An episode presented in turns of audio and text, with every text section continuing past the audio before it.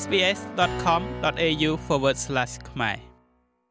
ការចំណាយនៅក្នុងការរស់នៅកើនឡើងខ្លាំងក្នុងប្រទេសអូស្ត្រាលីនិងនៅជុំវិញពិភពលោកប៉ុន្តែហេតុអ្វីបានជាទំនិញឡើងថ្លៃអ្នកជំនាញនិយាយថាការឡើងចុះភ្លាមភ្លាមនៃការផ្គត់ផ្គង់និងការលុកលុយរបស់រុស្ស៊ីទៅលើអ៊ុយក្រែនគឺជាកត្តារួមចំណែកនៅក្នុងបញ្ហានេះតើហេតុអ្វីបានជារបស់របរគ្រប់យ៉ាងឡើងថ្លៃខ្លាំងម្ល៉េះ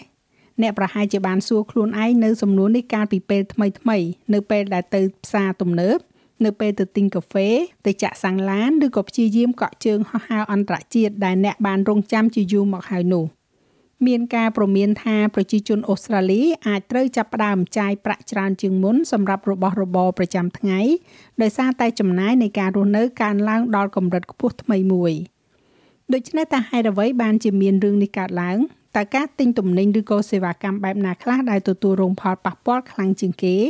ហើយតែយើងអាចរំពឹងថានឹងមានការធូរស្រាលឡើងវិញដែរឬទេ ចម្លើយដ៏ខ្លីនោះគឺវាកើតឡើងដោយសារតែអតិផរណាប៉ុន្តែវាមិនមែនសាមញ្ញបែបនេះនោះទេ pandemic really distorted the economy ជំងឺរាតត្បាតពិតជាធ្វើឲ្យខូចទ្រង់ទ្រីសេដ្ឋកិច្ចមែន យើងមិនអាចចំណាយលើសេវាកម្មបានដូច្នេះហើយយើងបានចំណាយប្រាក់របស់យើងទាំងអស់ទៅលើទំនិញនៅពេលដែលការផលិតទំនិញទាំងនោះមិនថាជាគ្រឿងសង្ហារឹមនៅក្នុងផ្ទះមិនថាជារថយន្តថ្មីឬក៏ទូកថ្មីក៏ដោយឬក៏ជាការជួសជុលកែលម្អផ្ទះជាដើមជាអកុសលការផ្គត់ផ្គង់ទំនិញទាំងនោះនៅមានកម្រិតដូច្នេះយើងមានតម្រូវការកាន់តែច្រើនប៉ុន្តែការផ្គត់ផ្គង់មិនបានកើនឡើងនោះទេ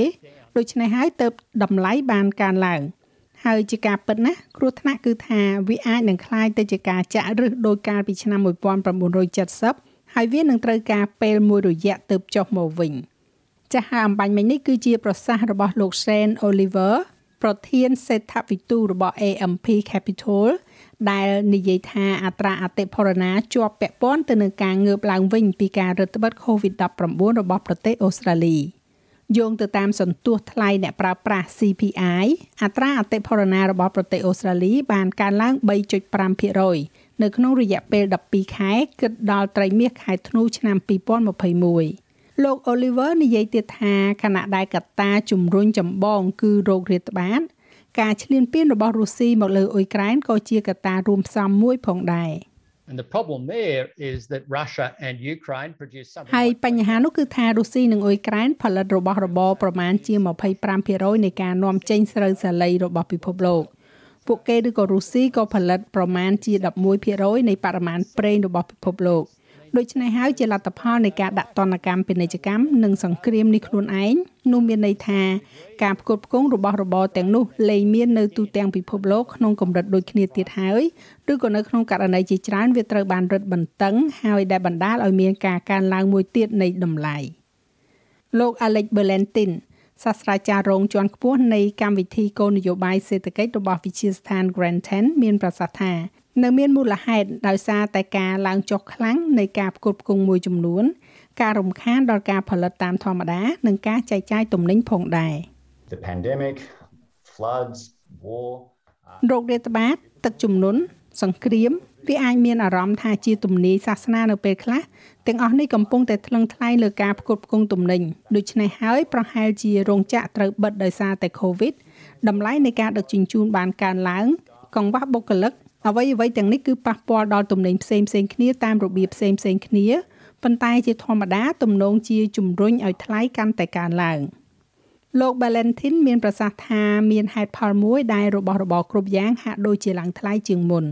in particular things that ជាពិសេសរបស់ដែលឡើងថ្លៃគឺជារបស់ដែលគ្រួសារតែងតែទិញជាញឹកញាប់យើងហៅវាថាជាទំនិញលេចធ្លោគឺជារបស់ដែលពួកគេដឹងពីតម្លៃដោយសារតែពួកគេទិញវាជាញឹកញាប់ ដូច្នេះតើអ្វីទៅជាទំនិញលេចធ្លោឬក៏ salient items ដែលធ្វើឲ្យយើងអស់ប្រាក់ច្រើននោះ អ្នកជំនាញកំពុងតែលើកឡើងអំពីប្រេងសាំងគ្រឿងទេសកាហ្វេនិងការធ្វើដំណើរអន្តរជាតិដែលរងផលប៉ះពាល់ខ្លាំងជាងគេ people filling up their tank មនុស្សម្នាចាក់សាំងឡានរបស់ពួកគេគ្រប់ពេលវេលាដូច្នេះហើយបានដឹងយ៉ាងច្បាស់អំពីតម្លៃប្រេងឥន្ធនៈហើយក៏បានកត់សម្គាល់ដឹងនៅពេលដែលវាឡើងយ៉ាងដូចនេះ ប៉ុន្តែអ្វីអ្វីផ្សេងទៀតមិនមានការឡើងថ្លៃដូចគ្នានោះទេកាត់សក់ទៅញ៉ាំអាហារពេលល្ងាចនៅមិនទាន់ឡើងខ្លាំងដូចសាំងនោះទេវិជាស្ថានអូស្ត្រាលីខាងផ្នែកប្រេងសាំងនិយាយថានៅទូទាំងប្រទេសជាមធ្យមសម្រាប់តម្លៃប្រេងឥន្ធនៈបានកើនឡើង14.9សេនក្នុងមួយសប្តាហ៍កាលពីសប្តាហ៍មុនឡើងដល់កម្រិត 2ដុល្លារ12សេនកន្លះក្នុង1លីត្របន្ទាប់ពីតម្លៃមានចាប់ពី2ដុល្លារ10សេន4រហូតដល់ទៅ2ដុល្លារ14សេនហើយអ្នកសេដ្ឋកិច្ចរំពឹងថាថ្លៃទំនិញអាចនឹងឡើងថ្លៃជាងនេះទៀតការឡើងថ្លៃប្រេងដោយជៀសមិនផុតប៉ះពាល់ដល់ទំនិញនិងសេវាកម្មផ្សេងៗហើយការធ្វើដំណើរគឺជាផ្នែកមួយនៅក្នុងចំណោមនោះ ជាមួយនឹងតម្លៃប្រេងឥន្ធនៈកើនឡើងលោក Balatin និយាយថាការចំណាយខ្ពស់សម្រាប់ក្រុមហ៊ុនអាកាសចរមានន័យថាតម្លៃជើងហោះហើរអន្តរជាតិក៏នឹងកើនឡើងផងដែរ Flights use fuel and យន្តហោះប្រើប្រាស់ប្រេងឥន្ធនៈហើយជើងហោះហើរអាចនឹងត្រូវឡើងថ្លៃផងដែរបើសិនបើប្រេងសាំងឡើងថ្លៃហើយតម្លៃទាំងនេះជាច្រើននិងរបៀបនៃលំហូរឆ្លងកាត់អាចចំណាយពេលខ្លះៗ ដូច្នេះវាពិតជាអាចទៅរួចថារាប់ខែឬក៏ដល់រាប់ឆ្នាំដើម្បីឲ្យមានឥទ្ធិពលពេញលេញថ្លៃកាហ្វេដែលអ្នកទទួលទានជាប្រចាំក៏កំពុងតែឡើងថ្លៃផងដែរម្ចាស់ហាងកាហ្វេនិងសមាគម Barista នៃប្រទេសអូស្ត្រាលីនិយាយថាប្រជាជនអូស្ត្រាលីមួយចំនួនអាចនឹងត្រូវបង់ប្រាក់រហូតដល់ទៅ7ដុល្លារសម្រាប់កាហ្វេធម្មតាមួយពែងនៅចុងឆ្នាំនេះការឡើងថ្លៃនេះគឺដោយសារតែការកើនឡើងនៅថ្លៃដឹកជញ្ជូនពីកង្វះកុងតឺន័រដឹកជញ្ជូន និងអាកាសធាតុមិនសមស្របតាមរដូវសម្រាប់អ្នកដាំដុះដែលជំរុញឲ្យថ្លៃគ្រាប់កាហ្វេបៃតងកើនឡើងទូទាំងពិភពលោកអ្នកលីងកាហ្វេនិងម្ចាស់ហាងកាហ្វេនៅក្នុងស្រុកដូចជាលោក Sam Gabrielian និយាយថាពួកគេបានទប់មិនដំឡើងថ្លៃពីអ្នកប្រើប្រាស់អស់រយៈពេលជាង6ខែមកហើយ This has been brewing for វាបានចាប់ផ្ដើមឡើងជាង1ឆ្នាំហើយតម្លៃកាហ្វេបៃតងបានកើនឡើងកាលពី9ខែមុន ទោះជាយ៉ាងណាក៏ដោយអ្នកលីងកាហ្វេទាំងអស់បានរក្សាតម្លៃរបស់ពួកគេដើម្បីជួយទប់នៅក្នុងអំឡុងពេលមានស្ថានភាព COVID ទាំងនេះប៉ុន្តែជាអកុសលពួកគេមិនអាចទប់ទល់នឹងបញ្ហាទាំងនេះបានទេដូច្នេះហើយពួកគេត្រូវតែទម្លាក់បន្ទុកនេះបន្តទៅឲ្យហាងកាហ្វេ ហើយហាងកាហ្វេត្រូវតែដំឡើងថ្លៃកាហ្វេរបស់ពួកគេពី20សេនទៅ50សេនដែលយើងបានឃើញថាមនុស្សភាគច្រើនឡើងប្រមាណជា50សេន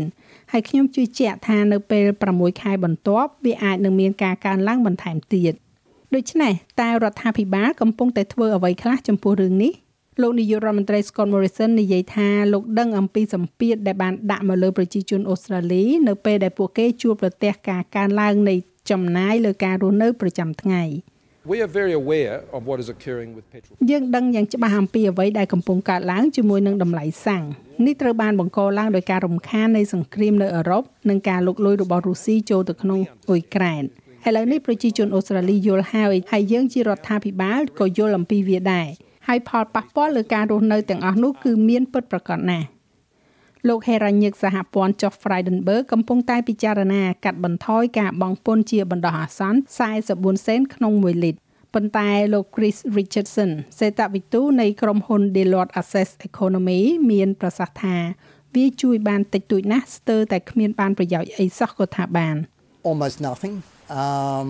ស្ទើរតែមិនបានផលអ្វីសោះអ្នកដឹងទេថាការផ្អាកថ្លៃសន្ទស្សន៍នឹងសន្សំបាន1សេនរាល់ឆ្នាំ ពីអ្វីដែលកំពុងកើនឡើង10និង20សេនក្នុងមួយសប្តាហ៍នោះហើយជាអ្វីដែលអ្នកនយោបាយបង្ហាញថាពួកគេយល់ពីអារម្មណ៍ឈឺចាប់របស់ប្រជាជន ហើយយល់ពីការឈឺចាប់ដ៏ពិតប្រាកដប៉ុន្តែអ្នកមិនអាចជួសជុលការឈឺចាប់ដែលបង្កឡើងដោយសង្គ្រាមនៅអឺរ៉ុបដោយគ្រាន់តែមានជំនួយពីពន្ធនៅក្នុងប្រទេសអូស្ត្រាលីបាននោះទេដូច្នេះតើថ្លៃទំនិញនឹងធ្លាក់ចុះមកវិញដែរឬទេ លោក Oliver នៃក្រុមហ៊ុន AMP Capital មានប្រសាសន៍ថា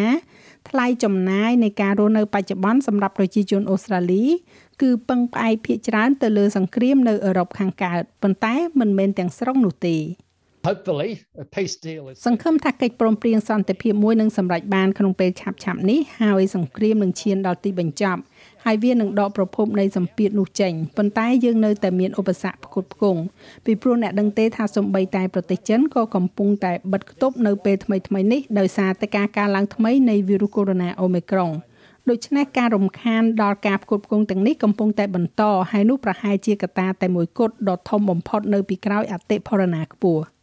ទន្ទឹមនឹងនោះលោក Valentin មានប្រសាសន៍ទៀតថាប្រសិនបើរដ្ឋាភិបាលចង់កាត់បន្ថយសម្ពាធនៃការរស់នៅ ចាំបាច់ត្រូវមានការគ្រប់គ្រងជាគោលដៅនៅក្នុងទម្រង់នៃកំណើនប្រាក់ឈ្នួល I Otherwise, we just get បើមិនដូច្នោះទេយើងគ្រាន់តែទទួលបាននូវការធ្លាក់ចុះជានិរន្តរ៍នៃកម្រិតជីវភាពប្រសិនបើអ្នកកំពុងព្យាយាមកំណត់គោលដៅលើមនុស្សដែលកំពុងតែជួបការលំបាកមនុស្សដែលថ្លៃចំណាយនៃការរស់នៅបានកើនឡើងហើយនោះពិតជាសំដៅទៅលើស្ថានភាពហិរញ្ញវត្ថុប្រចាំថ្ងៃរបស់ពួកគេអ្នកចង់ផ្ដោតគោលដៅគ្រប់គ្រងដល់អ្នកទាំងនោះអ្នកព្យាយាមទទួលយកការគ្រប់គ្រងពីរដ្ឋាភិបាល ប្រភេទណាមួយក៏ដោយដល់មនុស្សទាំងនោះមិនមែនគ្រាន់តែប្រើគោលនយោបាយដែលនឹងប៉ះពាល់ដល់មនុស្សគ្រប់គ្នាដោយពន្ធប្រេងឥន្ធនៈនោះទេដូច្នេះគោលនយោបាយពិតជាមានតួនាទីសំខាន់នៅក្នុងការនាំឆ្លងកាត់ផ្លូវទាំងនេះហើយខ្ញុំគិតថាវាពិតជាដាក់សម្ពាធជាខ្លាំងទៅលើរដ្ឋាភិបាលនិងធនាគារកណ្ដាលនៅពេលនេះចាស់របាយការណ៍នេះចងក្រងឡើងដោយ Monique Pueblo Ryan Thammer និង Hanan Kwon សម្រាប់ SBS News